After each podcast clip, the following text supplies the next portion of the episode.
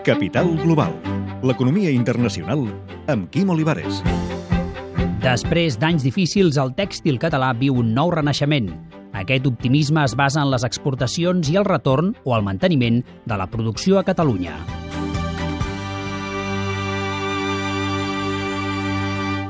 A la dècada dels 90 vam aprendre el terme deslocalització. Un gruix de la indústria tèxtil va traslladar la seva producció als països emergents, principalment a l'Àsia.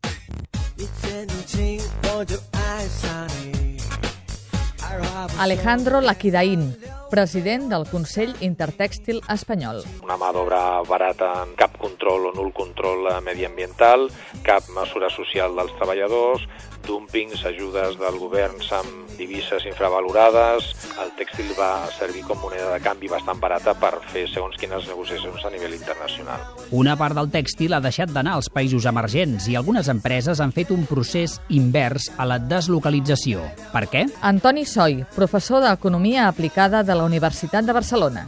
Els costos laborals en els països on s'havia fet aquesta deslocalització o on es compraven eh, productes subcontractistes, doncs en general han tendit a augmentar. Han anat apareixent noves formes de logística, de robòtica, de desenvolupament de noves tecnologies de la producció manufacturera que han fet disminuir els costos de producció en els països avançats. No? Els costos de transport dels productes s'han encarit eh, perquè s'ha encarit el petroli i, per tant, s'ha vist que això de tenir la producció o de comprar components lluny no sortia tant a compte com, com semblava. No? Després de la pèrdua de molts llocs de treball, ara la indústria viu un boom. De la mà d'aquestes empreses que han volgut eh, buscar als sectors eh, exteriors l'exportació com a sortir de les seves produccions perquè el consum intern doncs, està molt feble i no donava futur a aquestes empreses. La solució era anar fora amb un bon producte, amb un bon servei, sent competitius.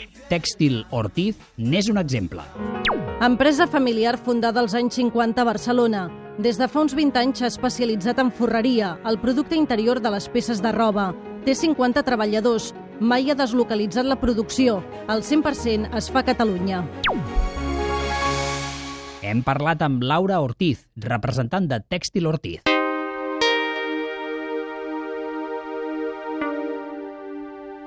Que ens vam plantejar el tema de la deslocalització, vale? però sempre hem pensat i continuem pensant i creiem que el temps ens ha donat la raó dintre de l'Europa propera i que hi incloc pràcticament també a Turquia i Magrib, sempre hi havia grans centrals de compres i en centrals de compres parlo de clients importants que tenien una modalitat de venda de circuit molt curt, o sigui que sempre estaven reposant producte a la botiga, amb la qual necessitaven indústria de proximitat. Així han plantat cara a la producció asiàtica. És impossible competir amb Àsia a nivell de preu, però sí és possible competir amb Àsia a nivell de capacitat de resposta i de valor afegit moda.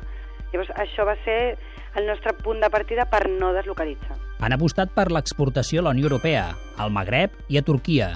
Les claus, una mà d'obra qualificada i la innovació. No deixar que l'empresa s'envelleixi, que considero que moltes vegades ha sigut eh, el problema que ha tingut molt del sector textil de base, que és en el meu cas el meu sector textil. O sigui, deixar envellir la planta productiva i no fer renovació de maquinària. ¿vale?